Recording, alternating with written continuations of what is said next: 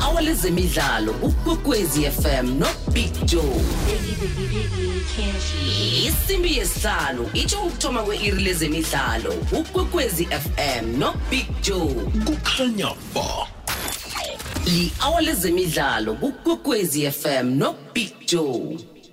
Nangambala ngiloyi awalezemidlalo emhathweni kwekwezi FM ngiyakwamukela mlaleli ngiyakulochisa ngizo zonke indawo lapha ukhona. Na uthoma konke eh, ukulalela ihlelo siyakwamukela ke eh, nawe ke unendima oyidlalako eh, inomboro ye WhatsApp voice note lapha ugadangisa iphimbo ulithumele silidlali ngu0794132172 0794132172 kanti ke eh, nangabe uzokudosa ungene bunqopha inomboro yi086 086 3278 eh ngiyazi ke izolo indaba bezichisa kakhulu kenge uthole ithuba lokuphefumula.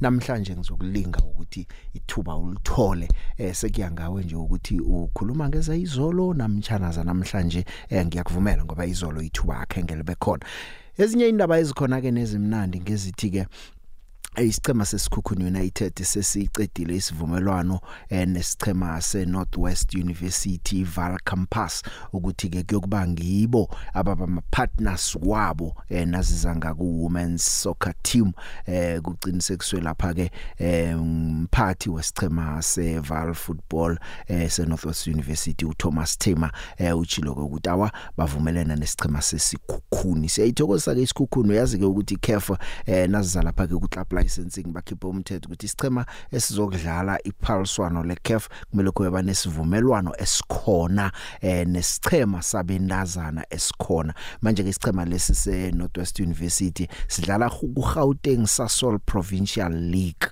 Badlala lapho ke manje isikhukhuni bazibambele bona ke bathi sikhamba nani ke ngini ke isichema sethu sijinga lapha eKF nokho ke sithembe ukuthi naso lesi sichema sizokuzuza ngokuthi bachebiswane lapha ke nesikhukhuni ngoba isikhukhuni na ungacala umuntu ocale lapha ke ku development yakhona eh abantu abafana nabo Thabo Sinungu Thabo Sinungu unelemuko hle ebholeni ragwako sithembe ukuthi abendazana la be university nesichema sebholo eh nomphakathi walapha uza kuzuza ngokuthi babe nechebiswano nesichema esifana nesikhukhuni United. Eh ngikho lokho kokhunye ke hlangana nezinye ke indaba ezikhona. Kanti nesichema se netball Netball South Africa namhlanje ke imemezela abadlali abayi12 bamemezela eh, 15 nje ke bathe 12 bese i3 enye le ngebayo kuba ma reserve bagade ismatch nje kuthatha nje i12 vele ukuba abadlali ezabe icala ukuthi yadlala bongiwe msomo ukhona ngicaptain kuno Gala Pretorius eh, oy vice captain kuno Khanyisa Chawane eh, kuno Izet Grisel eh, kuno Phumza Maweni kuno Lennis Potgieter kuno Nicole Smith kuno Jeanette Strydom kuno Nicole Taljalt eh, uElmer van der Berg eh, ukhona lapha ke uShadin van der Merwe ukhona uInemari Venter eh, ama reserve ke ngu owethu ngubani urefilwe nketsa no Lefebvre Rademan. Ngiboke labendazana abazaba lapha ke eh abantazana abake bahlukene nje bebaye enchemeni zabo njalo njalo. Bokuhlangana ngomhla ka14 kuJuly lapha eCape Town training camp yokugcina ngaphambi kokthoma kwephaliswano leBigri Pass lokthoma ngomhla ka28 kuJuly eh liyokuphela ngomhla ka6 kuAugust lapha eCape Town International Convention Center. Ngeze netball ke lezo. Kanike ivekele kunengi indaba yebanyana banyana eh olisekela lika mongameli weSafboot ebuhomnyayi nje sikhuluma naye nje uthi hey sisesemhlanganweni eh sesithandaza ukuthi mhlawumnye nabangaqeda umhlangano sesekhona la emoyeni uzasiphaza mva nje. Sizokungena ke sikutshejeleke indaba eziphathelene nokwenzeka lapha ke kubanyana banyana nezinye ezenzeka ko Steve Kompela naye sekathomile kaze esichemeni seswalusi njengombanduli njengoba sike sabika izolo eh ulisedi kapinga yena ke hawa eh kusanda Sundowns uyakhamba Bradley Ralani naye ku Sundowns uyakhamba uGitmutupa bajwena ke basamphe nokho umnyaka wodwa ukuthi usaza kuhlala. Ngokunye nje kwendaba ezikhona ezikhamba phambili ngiyabuya nangibuya ukuthengisa eh, ngifuna ukubuya la eh, nekutani uSivenathi nontshinga. Imidlalo ongayilindela emhathweni ikwekwezi FM abahathi bethu bezemidlalo bajame nje ukukulethela imidlalo yamabhokobhoko ye-rugby championship ukuthoma ngomhla ka-8 July 2023 amabhokobhoko atholana phezulu ne-australia ngo-5 past 5 eloftus epitori. Ngomhla ka-15 July amabhokobhoko abambana phezulu neNew Zealand. Kuzabe kunje. Umdlalo uyathoma ngo-5 past 9 ekuseni. Ngomhla ka-29 kujulayi 2023 amabhokobhoko abambana ne-argentina. Imidlalo le uyilethelwa ngokuzikhakhazisa i-sabc sport. Mlaleli ngiba ungisize sibale. 3 2 1 hashtag Okay, stop. we love it here for the love of the game. For the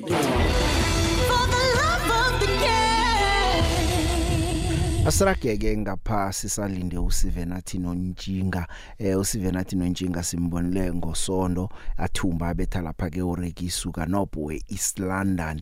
Eh nguye yedwa ikutani yephasi ehlanganweni eThecha esinayo eSouth Africa uyikutani yeIBF Junior Flyweight unoNtshinga kanti ngale kwalokho uthumbile eh yi-male boxer of the year eh, la eSouth Africa esincophe ukuthi sikhulume naye kasazi ukuthi sizomthola na kodwa ke sakusolo simlinga indaba ekulukulu nephethe abantu nje eh indaba yebanyana banyana eh khumbula ke ukuthi ivekele njengoba bengitsho imini leyo ukuthi kumele ngathana siyabathokozisa bentazana aba sibakhombisa ithando siyabavalelisa bayakhamba.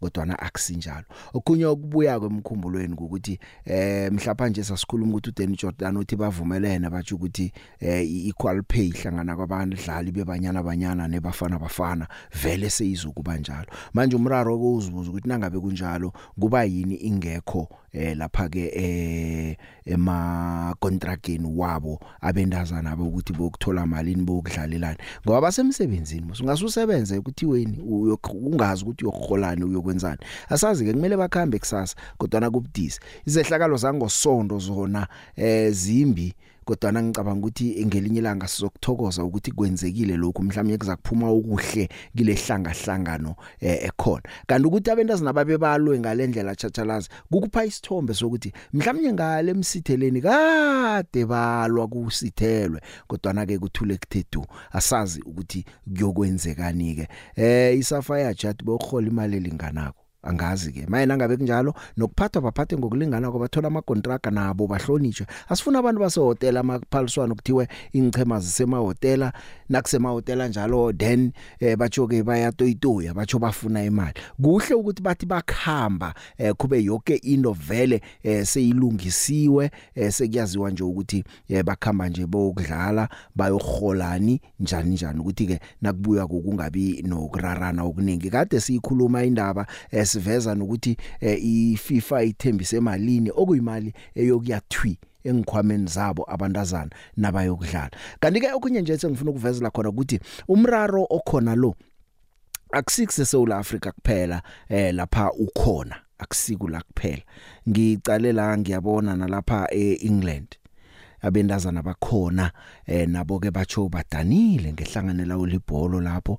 Bajaba kabe ukufika emvumelwaneni zamabonus weWorld Cup. Kusele nje imveke endathu eh ukuthi iphaliswano lithome kodwa nasekunento ezinjengalezo. Ke siyokuzwa lapha ke eh ku Sky Sports News ukuthi indaba le bayibe kanjani yeEngland. Sengikuhlanganisela yona nje ngikukhombisa ukuthi akusitsodwa nangaphandle akukhona lokho.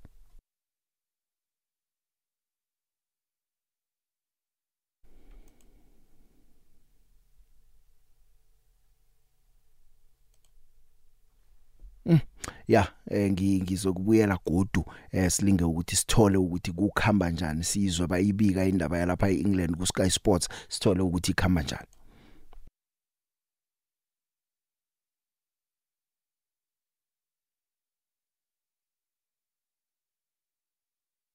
Iyasibhalela ke ukungena kodwa ke nasingayithola sizayifaka nayo eh, bese ngikuvezela nje ukuthi akusindaba yebanyana banyana kuphela. Eh, eh nomraro. Eh isafa ke eh ngiyacabanga ukuthi kuza kumele isitshele. Siyakhana ukukwazi ukuthi abentazana bayakhamba bokudlala kanjani kwenzekani? Eh sibone nje ukuthi indozi bakhambela kuhle. Kodwa ke okukhunyeke okukhona okuvelako ngilokhu ke eh iCEO uLydia Manyepa uyalwa uyalwa uthi inkulumo ezenzwe lapha lilunga leexecutive committee umonde Monchiwa lapha abentazana babaye holidayini hawa uyala uthi mm, mm, mm, mm, mm, mm, eh bachoke azi represent isafa.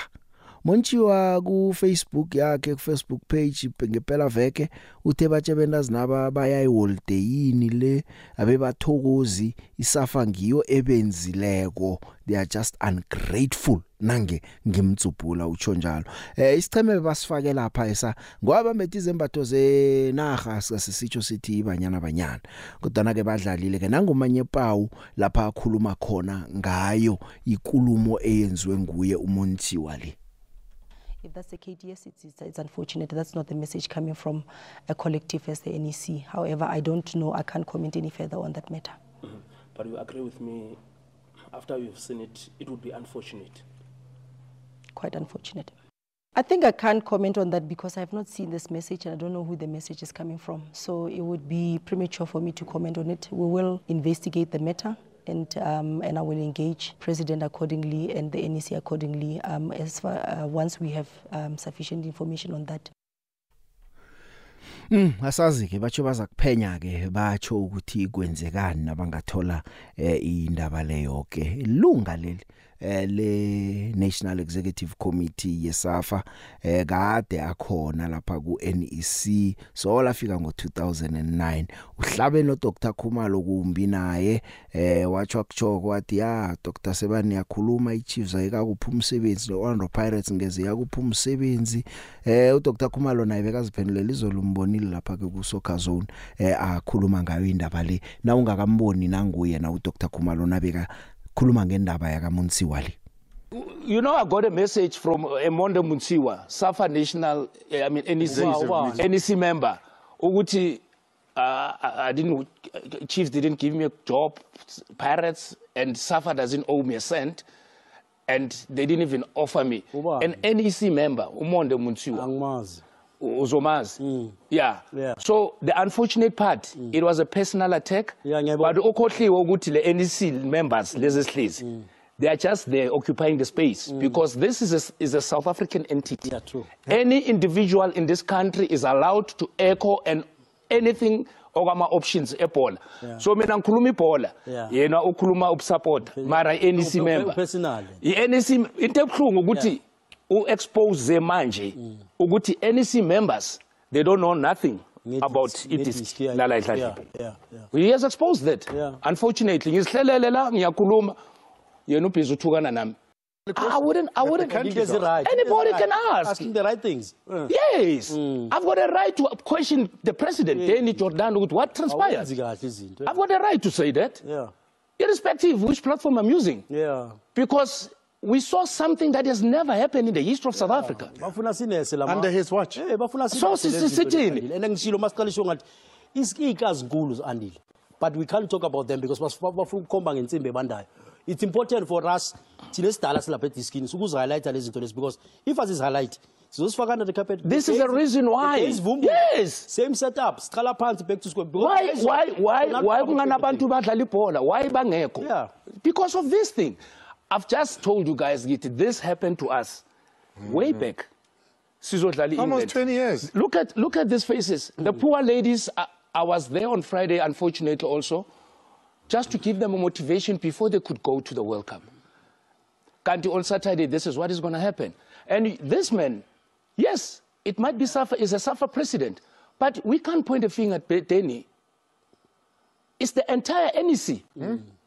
Because the decision made should be, if, if Yeah. the constitution yeah, allow, then we should be talking another, uh, uh, something else. yeah. Look at the faces there. labantwana bokumele baba segroundini banikezwe into zabo li hour lezemidlalo kukwekwezi FM no Big Joe i-hour lezemidlalo kukwekwezi FM no Big Joe. Isimbi yesihlanu itsho ukuthoma kwe-iri lezemidlalo ukwekwezi FM no Big Joe. Kukhanya ba. Nangambala kukhanya ba. Eh angazi ke ukuthi wena uzizwa njani ngento yenzekako eh ngiyacabanga ukuthi nabantu ebebakhona lapha eTsakani Stadium isikhulukhulu umuntu ebekangazi ukuthi kwenzekani urarekile baphumile bathi bokuvalelisa abantu. Eh abantu bangaba khona. Angazi ukuthi bawutholile umlayezo ukuthi kubangwani ngoba eh na ungakhumbula ngempela veke baningi abantu bebayihlaba nebanyana nyanya bathayi abantazana abakani benzani ngoba sebathenjiswa imali sebazenza ngcono in in malo thenjiswe yona uyifunde ephepeni na uyizwe endabeni emhathweni akho na ku contract yakho ingekho uzokwazi ukuthi khona noma yikho ke ngidlale nje eminye imbono kunenye voice note la mlalele bekakhona lapho uphatheke kumbi uyabasola labentazana ngokuthi benze lokho abakwenzileko. Angazi ukuthi wena la khona uzizwa njani? Ngesimuso. Locha the big Innocent Walipakhania la itsakane the big. Eh ngithanda ukuphawula ngalesi hlakalo sebanyana banyana. Eh the big banyana banyana ngikubeke nje ngokufishane ngithi isijwayela kabi the big banyana banyana. Kubi lokhu ekwenzile the big. Singabahlali basitsakane siphumile ngobuningi bethu the big. Ziziningi izinto besingazenza the big kepha sathakhetha ukuthi siyobukela bona sibavalelise kahle. But then bona basitshela ukuthi iground lethu alilunganga bemele lento if basho nje bemele bayilungise ngabo losithathu ngabo losine hayi lento bayenzile the big abasihloniphanga singama-fans and asiyithathanga kahle lento ngathi futhi bangadliwa nalaba yakhona ngithokoze the big ngiyakuxolisa ukusho lokho kepha sikwate kakhulu the big. Hey thank you the big. Aha ke uyabona ke ukuthi eh into eyenzekile kule yenzeni. Abanye abantu bazizwa njani. Eh isicema sebanyana banyana ngiso esisebenza kuhle khulu engichemeni zenaga zeSouth Africa zebholo eragwako kodwana lokhu kukhombise ukuthi ngasuthi ngibo godu abadeleleke khulu nabanyazwa khulu eh, engichemeni esinazo zebholo eragwako zinkutane zeAfrika esikhuluma ngazo ezi eh bayokudlala iWorld Cup kodwana izinto zabo nanzi zikhamba ngalindlela ke ngibuyele endabeni yesichema senaga seEngland ngizwe khona ukuthi ikhamba njani. Well, the Lionesses fly to Australia on Wednesday, but players are privately disappointed following a breakdown in talks over bonuses. Negotiations with the FA have been going on for some time, but agreement that suits the players hasn't been reached less than three weeks before England's first game. Following a change in FIFA regulations, the players will get paid £24,000 for the group stage and £213,000 if they win the competition. That money comes from FIFA, and the players are disappointed the FA won't be awarding their own bonuses for success at the tournament. The FA has declined to comment. Ngeze England ke lesi. Laba ke bathi okay siyayibona eFIFA imali. Nina yenu njengehlanganela volleyball ekhaya nisiphat njengoba sokudlala iphaliswano yebigiri yepass kunengi kunengi kunengi ama voice notes akhona ngizowadlala ngaphana ngapha eh ikutano nontshinga usithembisile kodwa ke asimtholi singazi ukuthi samthola noma singamtholi ke eh ihlelo liyaraga na izolo nizwile nengichema zihlikihlile Steve Kompela uthole umsebenzi njalo njalo nezinye indaba nje ezikhona namhlanje engiseza nazo Siyabona Big Joe. Sacela kubuza mfoka baba. Eh ibanyana banyana njengoba itoyitoya itoyitoyela imali. If mayidlala idlalela i-country i-country musayithi thina umphakathi angithi. So uma babuya bangazange ke bawina negame neyi-1 mhlambe ke bandlulela kulast 16 asithi ngibekise ngolast 16 stage sokuqala. Bangazange bandlule lapha kula ma-3 games wabo badlile wonke babuye ekhaya. Thina singumphakathi sitholani njengoba badlalela thina. Alright ngibuya kwelabo eponto ngiyabavumela vela imali kumele bayithole. But if i-sponsorship sebafana bafona siyayifaka imali bona abanaso i-sponsorship angeke imali ibakhona. Kuyohlala kuba nenkinga laphana ku- kubanyana banyana. If uma ungathi uyabheka ibanyana banyana akusiklabhu yomuntu is a national team. So ngiyacabanga ukuthi maybe kube uhulumeni mhlawumbe uyasiza lapho nalapho kungaba ngcono because isafa nayo yes imali idepende kweyi-bonds so if ii-bonds azikho according kubanyana banyana yoyithathaphi imali eningi? Ngizibongele mina ujose la esekunda ekhaya kungale esidadi eshayishayi. Angizibongele.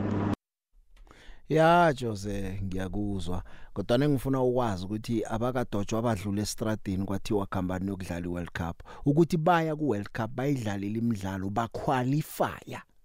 So kumele babhadele ukuthi baqualifyile ukuyokudlala iphaliswano yeBigri Pass eh ibanyana banyana ingaphasi kwesafa eh ibafana bafana ingaphasi kwesafa.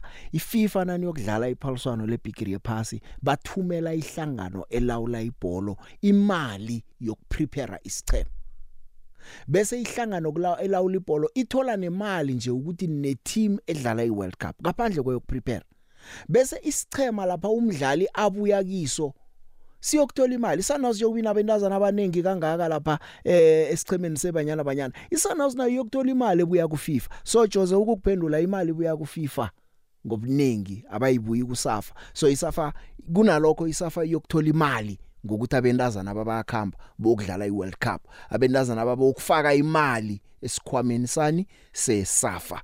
So eh kumele bahlonitshwe kumele bathathelwe ihloko mkhulu umsebenzi abawenzako. Ngiyacabanga ukuthi sekumele nje sazi ukuthi ngokukhamba kwamalanga abanye nabo baza kuzwisisa mhlawumbe abanye abazwisisi nje ukuthi kwenzekani. Ibanyana abanyana lebayithatha njengento yokuceda isizungu naba bathathe serious. Eh picture angilothise ehlelweni lwakho. Ngoku picture nami la egezina picture ngithanda ukuveza into nasi ukuthi into eyenzeka kubanyana abanyana akusinto ehle nejabulisako. Kuyibanyana banyana kaningi esingathi ukuthi idlala ibholo engiselibhedere khulu eh kuba like ku-south africa kuma-countries kusquati badlala ngcono kunabafana bafana.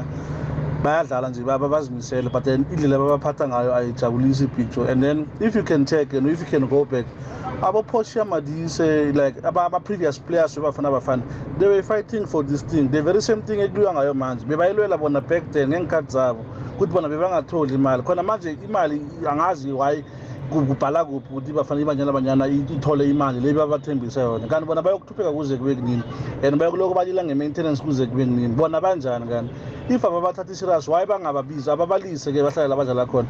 Kungabi nesquad sebanyana banyana because they are not take bababathatha iserious khona manje i-amc iyazi-expose ukuthi ngale ku-ofisini ayikho into abayenzako. U-ateka udoctor u-ateka udoctor for in. Ukuthi i-teams ayimnikanga udoctor ispace or ayimnikanga umsebenzi akuhlangani nebanyana banyana lokho. Udoctor what is saying ulwela ibanyana banyana ulwela ama-rights we-football player elinye nelinye. Nevermind ukuthi ku-previous kwenzakala ini.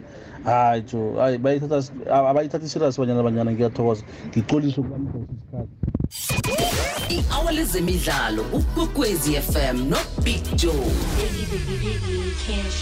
Isimbi yesihlanu itsho ukuthoma kwe-iri lezemidlalo ukwekwezi fm nobig joe. Kukhanya ba. Imidlalo ongayilindela kukwekwezi fm siyokurhatshela poro bunqopha ififa women's world cup ngaphetsheya kwamalwandle enew zealand ne-australia. Ibanyana banyana ikugroup g ine-argentina i-italy nesweden. Ngosonto mhla ka-23 kujulayi ibanyana banyana kuyokubambana nesweden ngesimbi yekhomba ekuseni. Ngolosihlanu mhla ka-28 kujulayi ibhudabhudana ne-argentina ngesimbi yesibili ngamasa ekuseni. Ngolosithathu mhla amalanga amabili kurhoboyi ibanyana banyana ibambana ne-italy. Mlaleli ngibawa ngisize sibale. 3 2 1 hashtag 0 we love it here for the love of the game, of the game. For the love of the game. ya isikhathi siyakhamba eh, abantu minengi imbono engenako. Eh sisakhuluma nje ngebanyana banyana eya ku World Cup. Eh izolo vumbu Danny Jordan umemezela isponsor sebafana bafana. Sebayihlelele bayitholela ama sponsor ayo isponsor eh ku Afcon batsho nango 2025 uDan Jordan unethemba lokuthi ibafana bafana iyaya lapho. Bahlangene ne10bet 10bet icompany yezokugembula kuyabhejwa ngiyakaphetsheya ifike ekhaya unyaka opheleleko nje nasike seyingenile ibambe nenesafa kusekelwa ibafana bafana. Nangu Danny Jordan. Global online sports betting and game operator 10 Bets South Africa is now the official betting partner of our senior national team, uh, Bafana Bafana. And this is a, it's a four-year deal. So it's going to cover two AFCON. They're going to Cote d'Ivoire, and then uh, whoever gets 2025, they will also be there with us because we will be there. Bafana Bafana, as you know, is an essential part of the country's lively sports culture, fan culture. And if we look back to what happened in the game against Morocco, you will see one of the most loved teams in this country is Bafana Bafana. And when they perform, there's nothing more that can put a big smile on the faces of fans as they celebrate and sing and dance uh, in the stadium. So we are very happy that uh, 10 Bets is now there with uh, our team Bafana Bafana. Ya siponza leso ke esitholwe eh yibafana bafana eh namhlanje sisalindile sibeka indlebe phasi eh sifuna ukuzwa ukuthi kukhamba njani emhlanganweni eh ekuthiwe uyokubanja benazaba mdeba kambe msikusasa ingasikade ni eh kumele kukhanjwe kuchingwe lapha. Namhlanje mde kulalwe ekuhlangenwe kuvunyelwene okumnandi ukuthi eh neunion nasikhona iyabasekela iyabajamela eh siza kubona khona ukuthi kukhamba njani. Ke ngirage nje ngizwe imbono. Eh the big afternoon man. Ukhuluma ngodere ngapha ngeBrongor. Abanye sebayakhuluma nje banga understand. If ever ungumsebenzi uthola contract nama conditions. If ever they don't bathembisa inongomlomo ingekho contract yakho. You can happen man kube banganikezi next. Ababanikezi imali bathembisa wena ibe in black and white nawo bakhona ukusebenzela. But kuthi ngasinga emotional isikhuluma into singayazi then akuncedi. So asibeni happy sebenzeni bantwana abantu othola imali zabo basebenzela. Thank you boss. Eh the big angibingelele. Ngizoqala lapha nepointini lika lekho kuveza udoctor. Lo mama makuthi umama noma ubaba lapha kwisafa okwazi ukukhuluma kanje abhekisa amagama kudoctor njengabahlaziyi bebhola njengama legend ethu.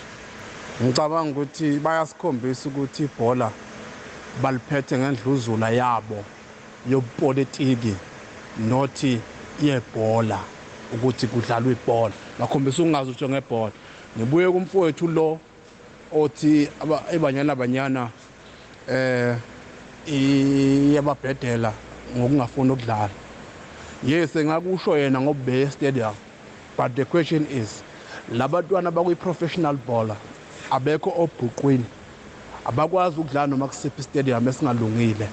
Kusasa kufanele beyosimela laba bantwana kwi World Cup.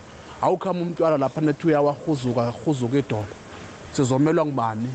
Yena akathatha amehla wabhekise kuyisafa yakhe. Ukuthi kungani? Yini abantwana bengasiwanga ko-FNB bengasiwanga ko-Orlando?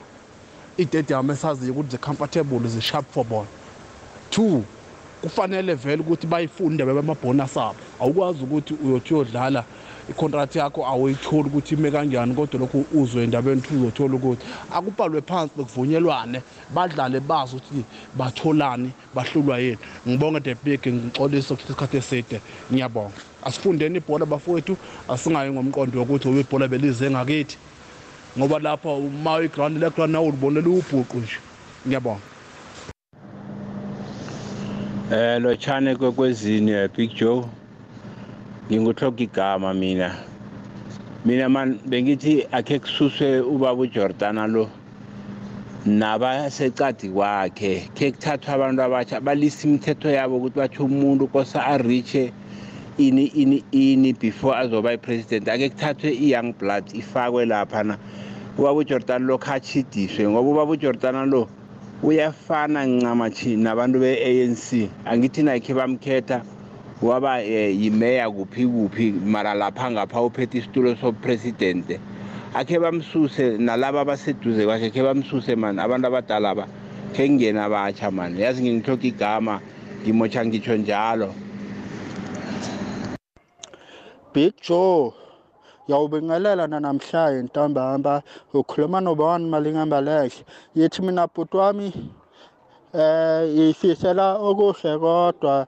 I-women's team South Africa eh uthi yodlala u-World Cup ya 2023 bhuti wami yabonga ukhuluma nobani malingamba lehle yabonga Eh angibingelele Big Joe. Eh Big Joe ukhuluma noThinxele. Eh Big Joe angeke ngibongele nje kakhulu ubaba uSteve Kompela ngokuthola i ukuba head coach lapha kwi Morocco Swallows Big Joe ngimbongela kakhulu mina. Ngoba lapha kwe Sundowns vele Big Joe bengeke belokhu bedlala ururane lapho umfana omncane kubeni bona bengama head coach kwabona. ngiyafisa noma bomncethe ngathi naye ngaphuma lapha kwi-sundowns ethole i-team head coach. Mase big joe sacela ukukubuza ngendaba kancikazi lapha kwi-pirate uba ngizongathi uya kwi-richards bay big joe. Ngingabonga ukuzwa ukuthi nxelelo yathi inxele eh ya Richards Bay ne noncikazi ne. Batsho beyimkhanuka kodwa Orlando Pirates samhloka uncikazi usahlala usese lapha isicimeni seOrlando Pirates.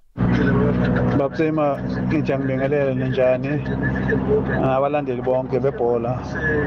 Into eyenzekayo kubanyana banyana eh ebhlungu of course. Hayi ukuthi mhlambe iqale Saturday angathi ayicheka eh iqale mhlambe mabatshelwa ukuthi bayodlala eTsakane what what uyasiyaqala le ndaba. Mabakhuluma ngendaba zabo zeyimali ukuthi okay njengoba nithi siyahamba siyo siyale eh nithini? Ngale mali nisithembisa yona na? Phela ayibhalwe phansi nisho ukuthi okay siyoyithola nini? Kanjani? Yabe yaqala inkinga ke yayicala lapho. Eh ngoba ngathi uyacheka balile kuyodlala eh stadium. Sakhohliswa thina kwathiwa ne bathi stadium lesi asikho right angeke badlale kiso. Siyavela ke manje ukuthi babanga yini into ebangwayo indaba zeyimali and after that uJelly Jordan yena futhi bekunabantu ababeke standby ukuthi laba nje abangathi bangayisho ngothatha nina ngiyonidlalisa and after that akekho umuntu obekavele asho ukuthi hayi mina ngilungele. Bebangekho obvious laba bantwana ubathathe phi yena? Futhi into bekayazi ukuthi into ayenza kuyini badlala ngabo. Ngiyabonga abalaleli imidlalo ongayilindela emhathweni ikwekwezi FM ngomhla ka28 kuJuly bekube ngomhla ka6 kuAugust yi-Netball World Cup e-ICC Arena eCape Town. Lindela imisikinyeko yonke le. Ngisiza sibale. 5 4 3 2 1 ngomhla ka28 July bekube ngomhla ka6 kuAugust 2023 yi-Netball World Cup eCape Town. Uzoyizwa poro bunqopha. #we love it here for the love of the game. For the love of the game. Dlala dlala Joe. Goalkeeper has come. Ibrahimovic has hit bar and post. Everybody thought that I'm too old, but I came and I made the Premier League look old. Zlatan Ibrahimovic umswa weSweden naye batsho nje uyalisa. Una 41 years. Udlala imidlalo e988 ubethe 573 goals. Impiki runners zi32 uyi all time goal scorer yalapha eSweden una 62 goals emidlalweni e121 ngiyambongisa uZlatan ngithanda enye yezinkulumo zakhe bekazikhulumela yena. Khona enye ethi i think i'm like a wine. The older i get the better i get. Maradona.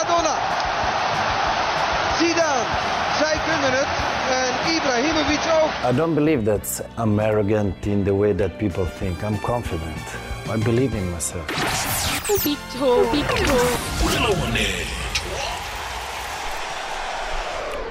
siyaraga mlaleli eh ya asimhlangazi kodwa yakaba ukuvela ulutho emhlanganweni eh lapha kuhlangene iPlayers Union neSAFA nabo bonke nje abathindekako nabo captain eh besichemisa abathathu eh lapha kuthiwa kulingwa ukuthi kulungiswe izinto eh ukuthi nakuyokudlalwa eh kube yonke into ilungile. Mde bakhamba bendazana kubhlungu nawuzwa nokuthi bakhambe nangebhese union kuye stadium nabafika estadium babalela nokuthi bangene.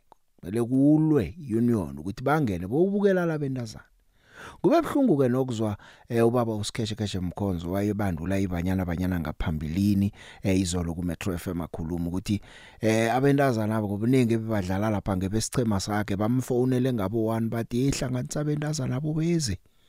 Kunomunye umntazana uthi mina bengizidlela lunch nefamily yami si restaurant sidla kamnandi ngathola ikoleti gijima uzokudlala. Bagijima.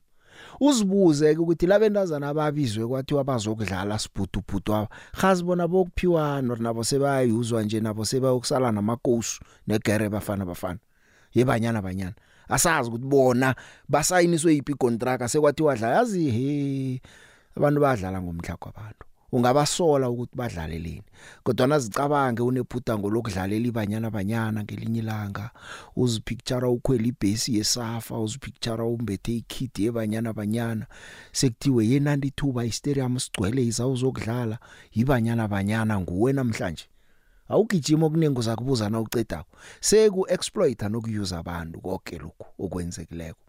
Necegwana la komkhonza kudlalwe ngalo nalo kelitshela ukuthi inini kuthiwe yekune strike letha bentazana zinto ezikhona ekhaya apha ngaphasi kwehlangano ephethe ibhola eSouth Africa isafa. Ke ngithi kancane ngijinge kuswalo Steve Kompela bengimkhumbulile mina. Ngikhumbule nedukumzwa khuluma man ukumzwa khuluma imemezeli swalosi ngosonto eh namhlanje bekayo attenda ke training session yafikile uSteve Kompela ndoda eh acheje umsebenzi ukuthi kawento ayizolo kokwakho eh njengoba isizini izokthoma nje. Eh yena ukuthi umsebenzi sesemnengi lapha kuswalose kumele ulungiswe. Eh uyakhuluma ukuthi man eh akazi ukuthi mhlawumnye isichema bazasicinisa cinisa nini njani bafaka bobani? Kodwa nothi isichema sinethuba. Sokuthi singenza ngcono. Na umlandeli weswalosi nangu Steve Kombela mbandu lakho you are still at the beginning of the of the preparation. So it is more it's more physical and you you obviously see that uh, they are starting to get into the groove.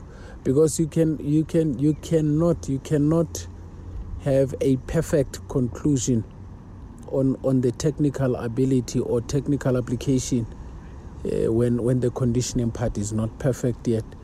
But uh, I should say they, they look decent. They look decent. They look excited, and uh, there- there's still work to, to be done, obviously.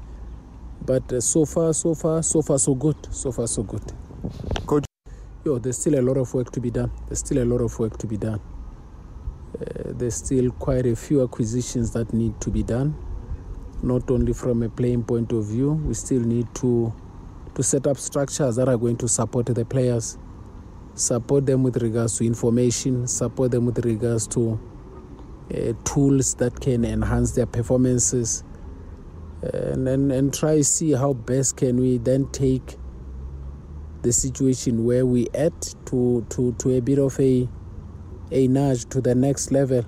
So there, there's still going to be a lot of things that we need to add and add and add and add. And in football, obviously, you are never enough, but it is important that we start adding the the fundamentals, the crucial ones, the ones that actually set the base. You can you can't put a timeline because if everything was in your hands, you would conclude. But it is not entirely dependent on you in terms of your wishes. You may wish to have this or that, you may wish to conclude this at a particular time, but it is also about the other side whether is it possible for you to have access to all that you need to conclude some of the decisions. So it will take a bit of time, but unfortunately we don't have time because we have to prepare. The season is going to start very soon. People have, have the have the thinking that no, we still have time. No, no, no. When the season starts, maybe first week of August, it means it's competition phase. Preparation is now. Ya eh kungendlela ke uSteve Kompela eh achonga khona ke silindile. Eh sifuna ukwazi ukuthi khani kukhamba kanjani khani kwenzekani eh iside lesafa nje nayo ukuthi mhlawumnye bona bathini ngelwezi kuyafuneka nje ukuthi ngelanga ke bathole ithuba nabo bakwazi ukuzikhulumela. Kanje ngifuna nje ukuthatha imtato ke sizwela emtatweni. Mlaleli ungadosa eh, ku 0863003278 0863003278 ngizwe ukuthi wena ngake lakho ihlangothi eh uPaula uthini?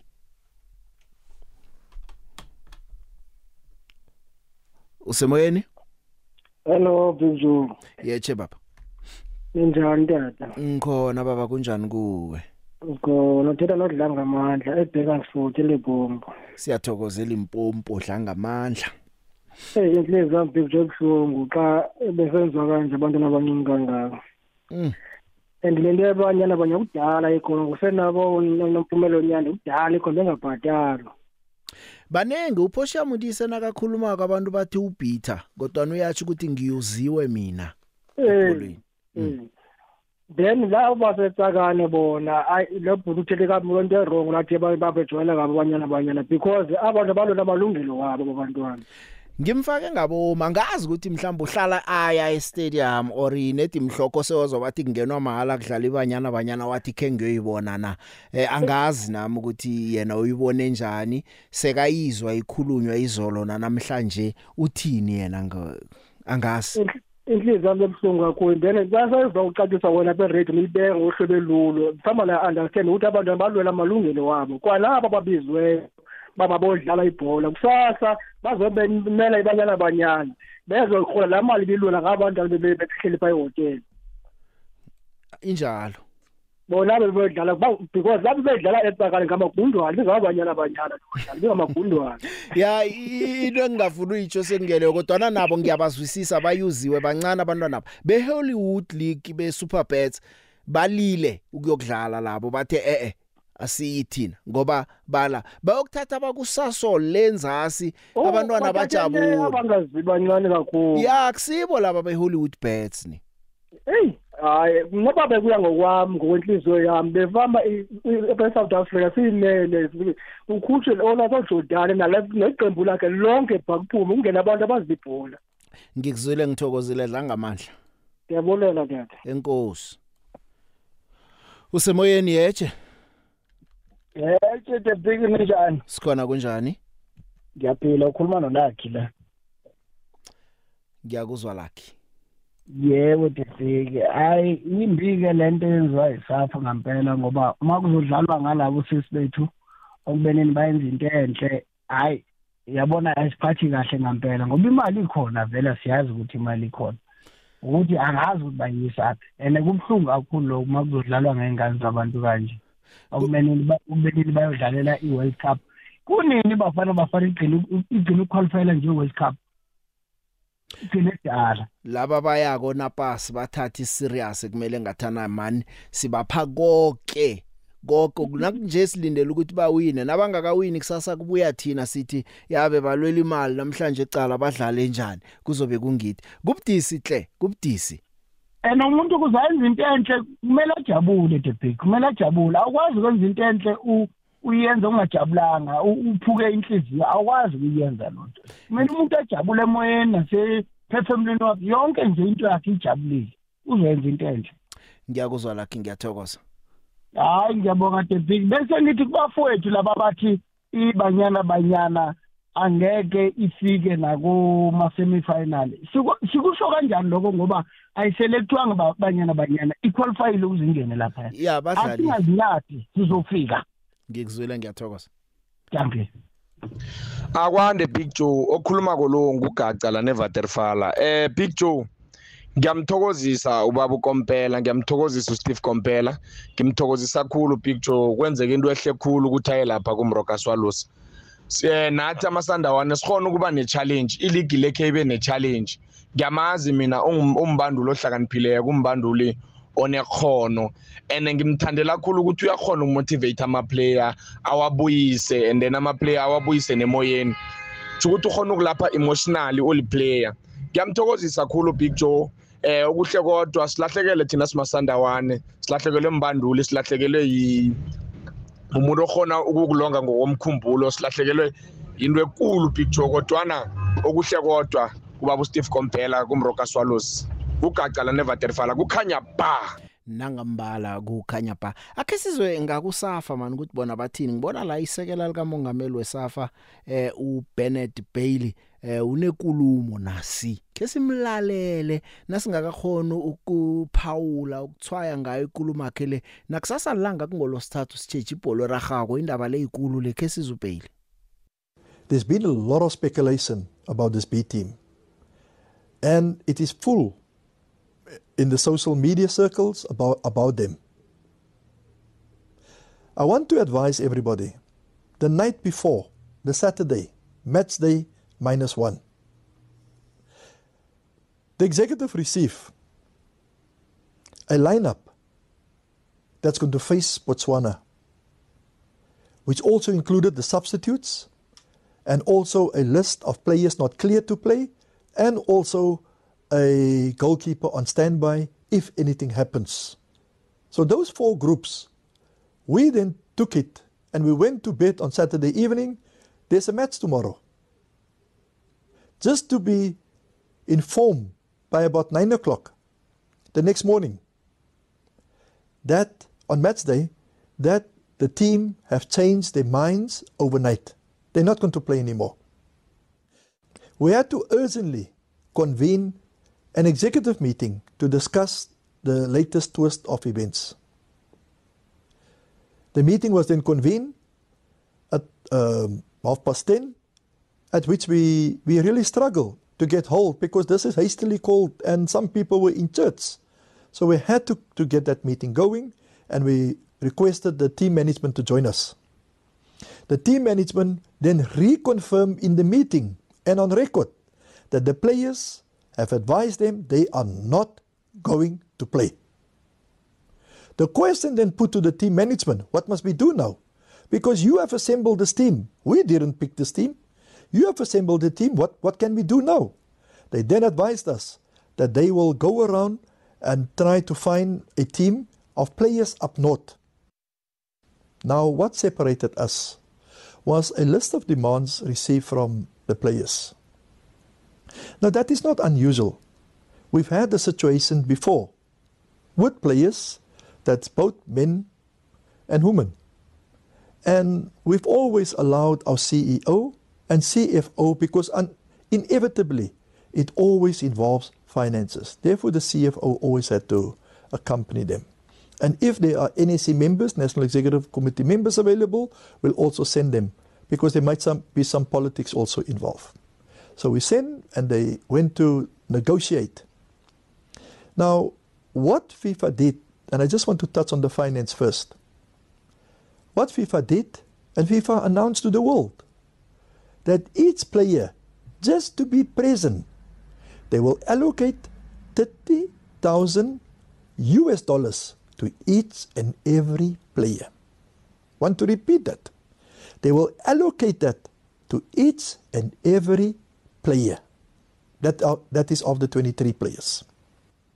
Now, this therefore means that even if that money is deposited into the account of SAFA, SAFA cannot touch that. And remember, FIFA does not depend on our auditors in the country. They send out their own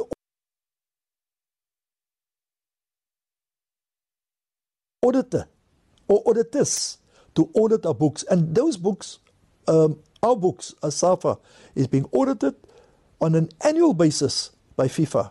And thus far, we've received a clean bill of health. So the, the doubt, if the money is going to be utilized by SAFA, is unfounded. But that obviously has been printed in the minds of some individuals that SAFA will take that money and use it somewhere else. That is not true. And the arrangement, the way we understand it at this moment, FIFA will transfer that money directly into the accounts of the players. Now, there's a second pot of money. That's the first pot which FIFA did. And that one, one went viral. And that's the one some individuals also want to hold us to.